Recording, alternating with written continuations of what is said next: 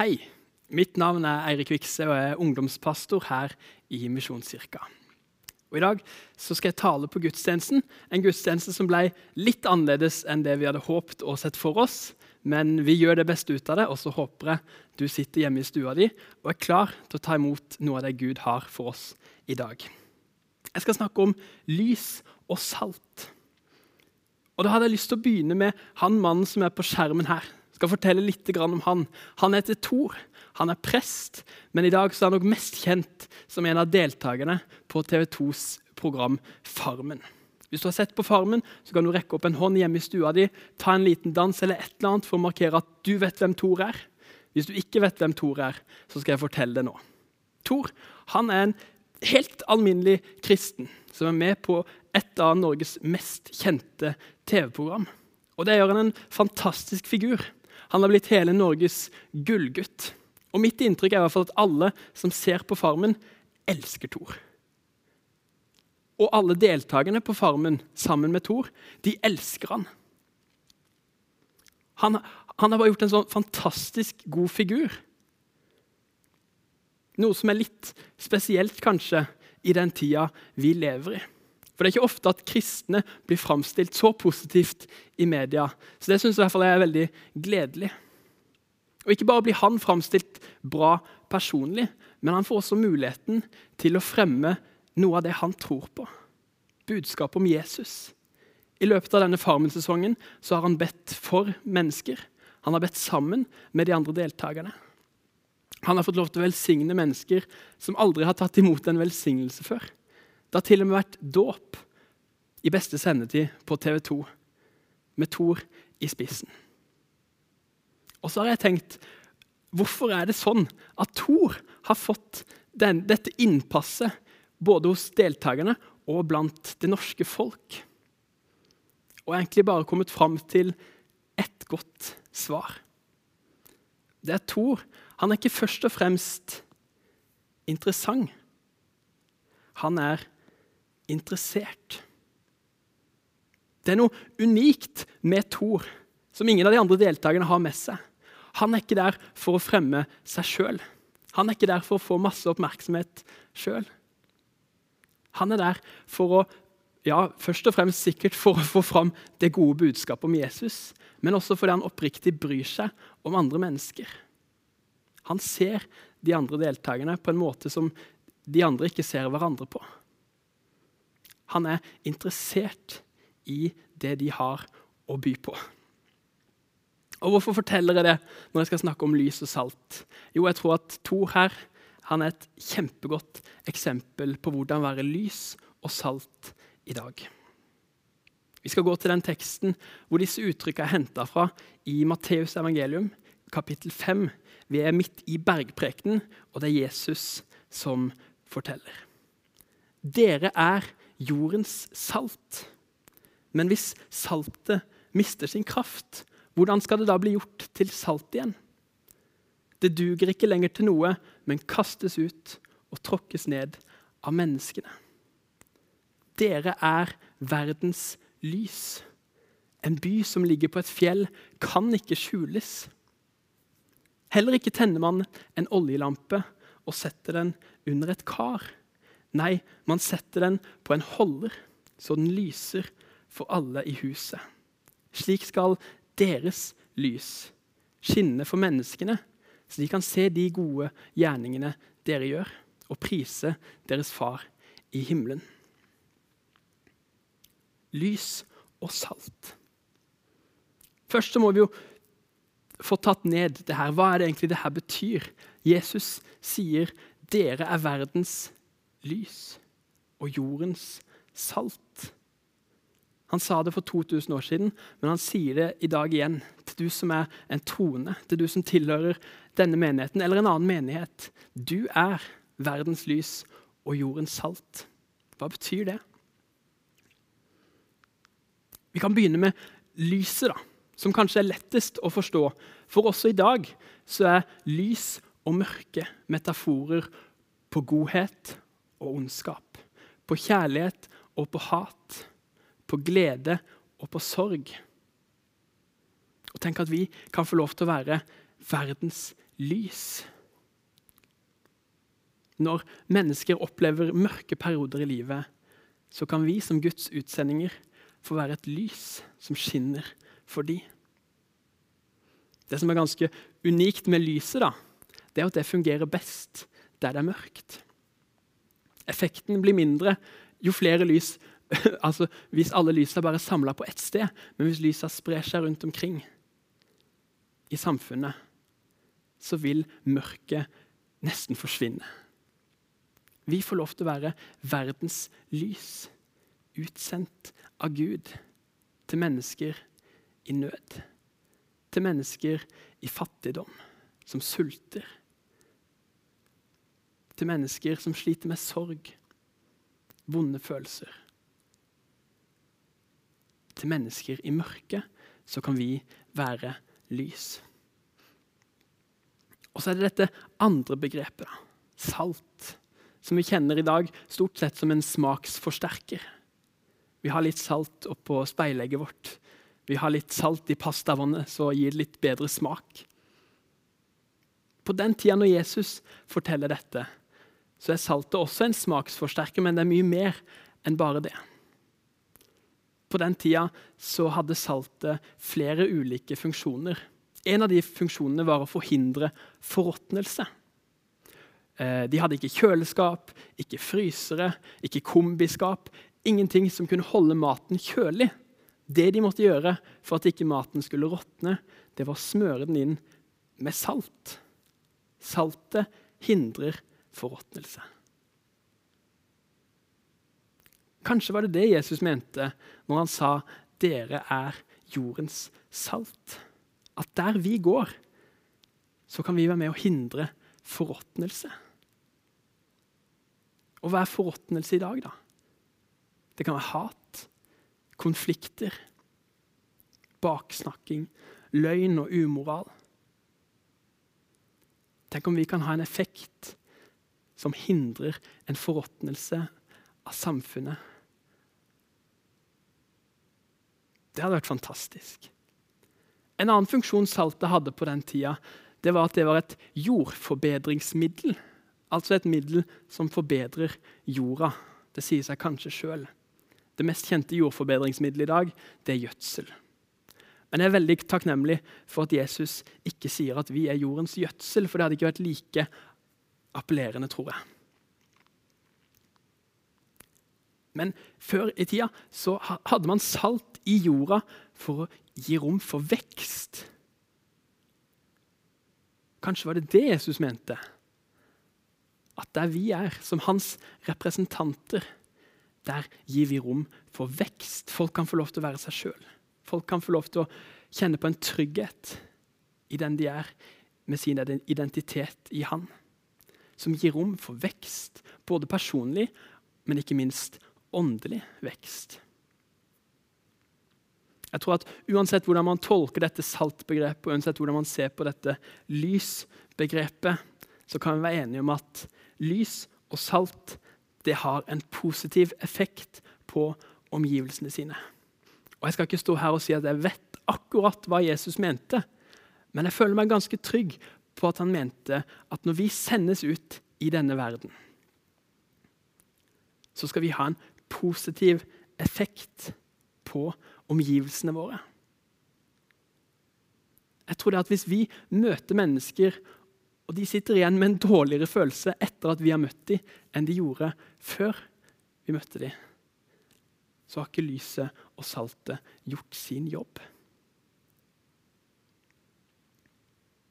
Jeg tror at vi er utsendt som enkeltmennesker, men også som en menighet. Og hvordan kan en menighet være utsendt?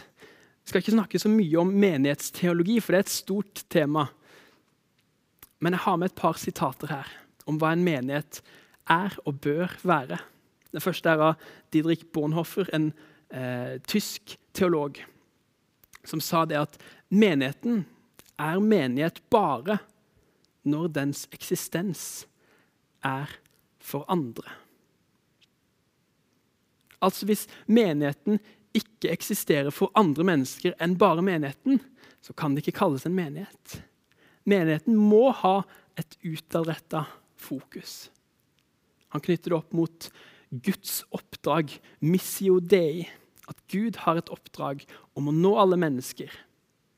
Og Han ønsker at menigheten skal være en del av det oppdraget. Og vi har fått samme oppdrag Guds oppdrag.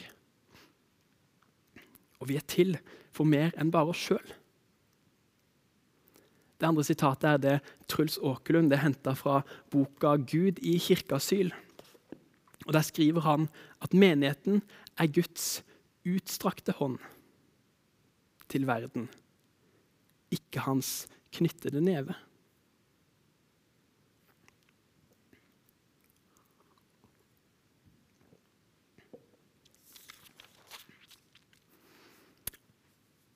Og jeg tror vi synder altfor ofte.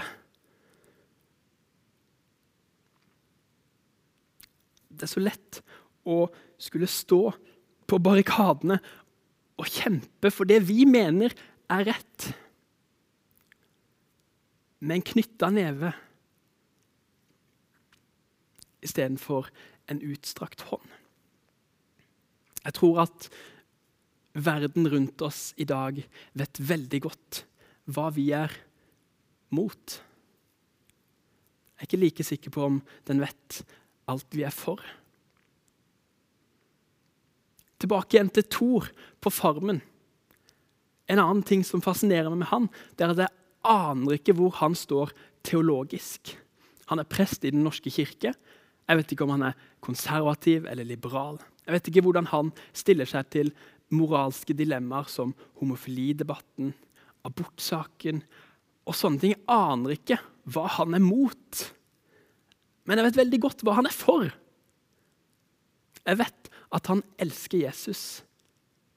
Og han brenner for å fortelle om Jesus til andre mennesker. Jeg vet at han setter ærlighet og rettferdighet høyt. Jeg vet at når de andre på farmen jukser, så vil ikke han være med på det. Jeg vet at han aldri ville vært med i noen allianse, for han vil ikke sette seg sjøl eller andre opp mot andre. Jeg vet masse om hva Thor er for, og lite om hva han er imot. Kanskje er det det som gir han det innpasset hos det norske folk. For dette er jo verdier, ærlighet, rettferdighet, som også det norske folk utafor kirkene, utafor troslivet, setter høyt. Dette er verdier og egenskaper som alle mennesker verdsetter. Og Tor får lov til å ha de med en sånn kristen bakgrunn. Og han begrunner det i Skriften.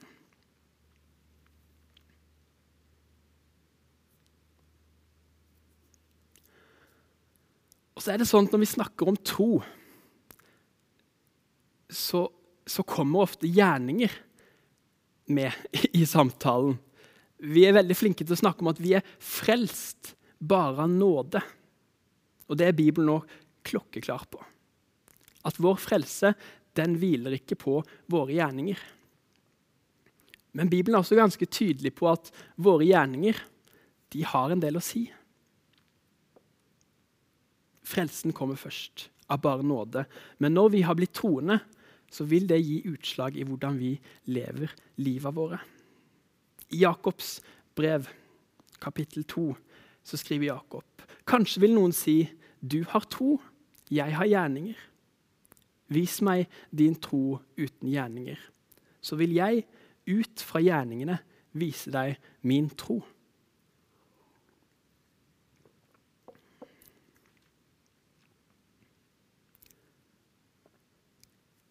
Kan det være sånn at man kan se noens tro ut fra deres gjerninger?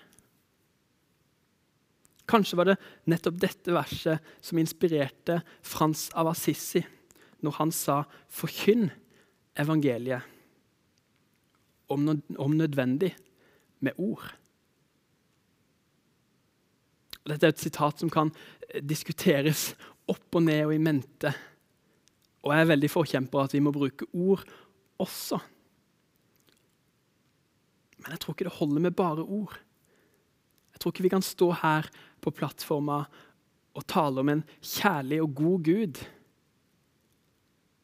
hvis vi ikke bryr oss og viser det i gjerninger sjøl.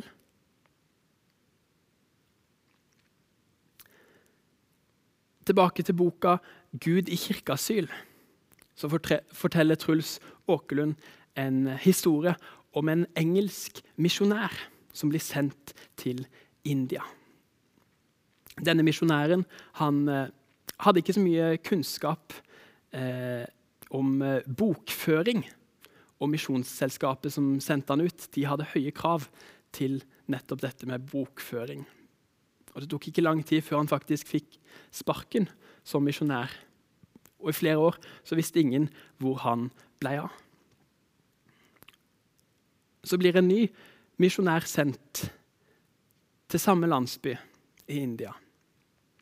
Og Hun begynner å fortelle om Jesus, om hvor fantastisk Jesus var og er.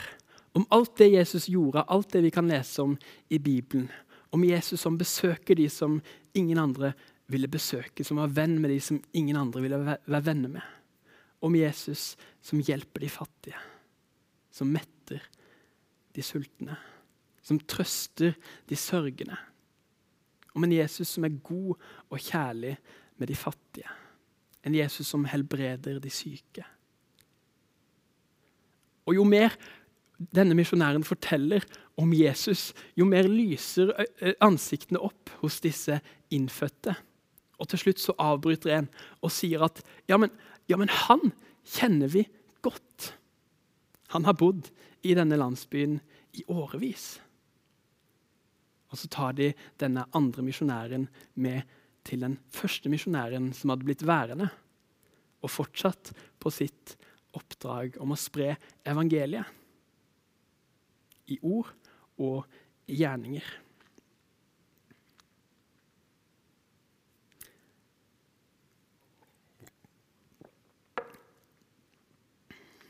Jeg tror at når vi er utsendt som lys og salt Og hvis vi gjør det på, på en sunn og god måte, møter mennesker med kjærlighet og respekt Ikke nødvendigvis stå på barrikadene med knytta never, men med en utstrakt hånd. Så tror jeg det vil legge et godt grunnlag for at de seinere vil kunne være åpne for det evangeliet som vi har å tilby dem. Jeg tror at Tor fra Farmen sine ord om Jesus har betydd mye for mange. Jeg tror ikke de hadde hatt like mye å si hvis ikke han hadde levd det ut sjøl. Jeg tror ikke det hadde vært dåp på Farmen i år hvis Thor hadde snakka like mye om Jesus, men ikke vært den han var.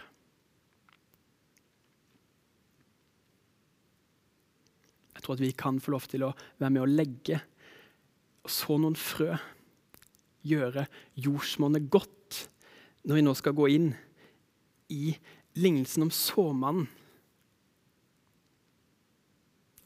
For Jesus han forteller en lignelse om en såmann som er ute og sår korn, som såmenn ofte gjør. Såmannen han sår litt her og der. Og noe korn faller på veien, og det blir plukka opp av fuglene. Noe lander blant steingrunn, og det vokser litt, men det har ikke fått røtter, så det dør fort ut igjen. Noe korn havner blant tornebusker, og før det rekker å komme opp, så blir det kvelt av buskene. Men så står det at noe korn faller i god jord. Det vokser opp. Det bærer frukt.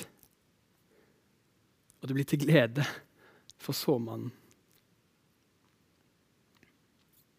Jeg skal ikke dra den sammenligninga for langt. Men lys og salt var på denne tida helt essensielle ting for å skape vekst. Salt i jorda og lys som lyste på. Det ga vekst. Det ga god jord. Jeg tror at vi er utsendt for å skape god jord. Jeg tror Gud gir vekst, men vi kan være med og åpne hjertene til folk med våre liv med våre ord og gjerninger. Vi har en visjon her i Misjonskirka Lyngdal. Og vår visjon det er å nå mennesker for Jesus og tjene andre med glede. Det er en del av vår visjon å nå ut til mennesker. Det er en del av vår visjon å være lys og salt et lys i mørket, et salt som gir rom for vekst. Ikke for at vi skal bli godt likt, ikke for at vi skal gjøre en god figur på TV. Men Jesus sier det sjøl i bergprekenen at dette gjør vi. Vi er lys og vi er salt. Vi gjør gode gjerninger for at menneskene rundt oss skal prise vår Far i himmelen. Vi er utsendinger. Vi får lov til å peke på Han med våre liv, ord og gjerninger. Jeg skal be. Kjære himmelske Far, takker deg for at du har sendt oss som enkeltmennesker og som menighet til samfunnet som vi er en del av. Hjelp oss å være lys og salt. Hjelp oss å nå ut med din utstrakte hånd og hjelp oss til å være forsiktige med knyttneven. Jeg ber deg for alle de som sitter hjemme i stuene sine i dag. Jeg ber om at du skal gripe inn i denne situasjonen vi er i nå. Takk for at du ser oss. Amen.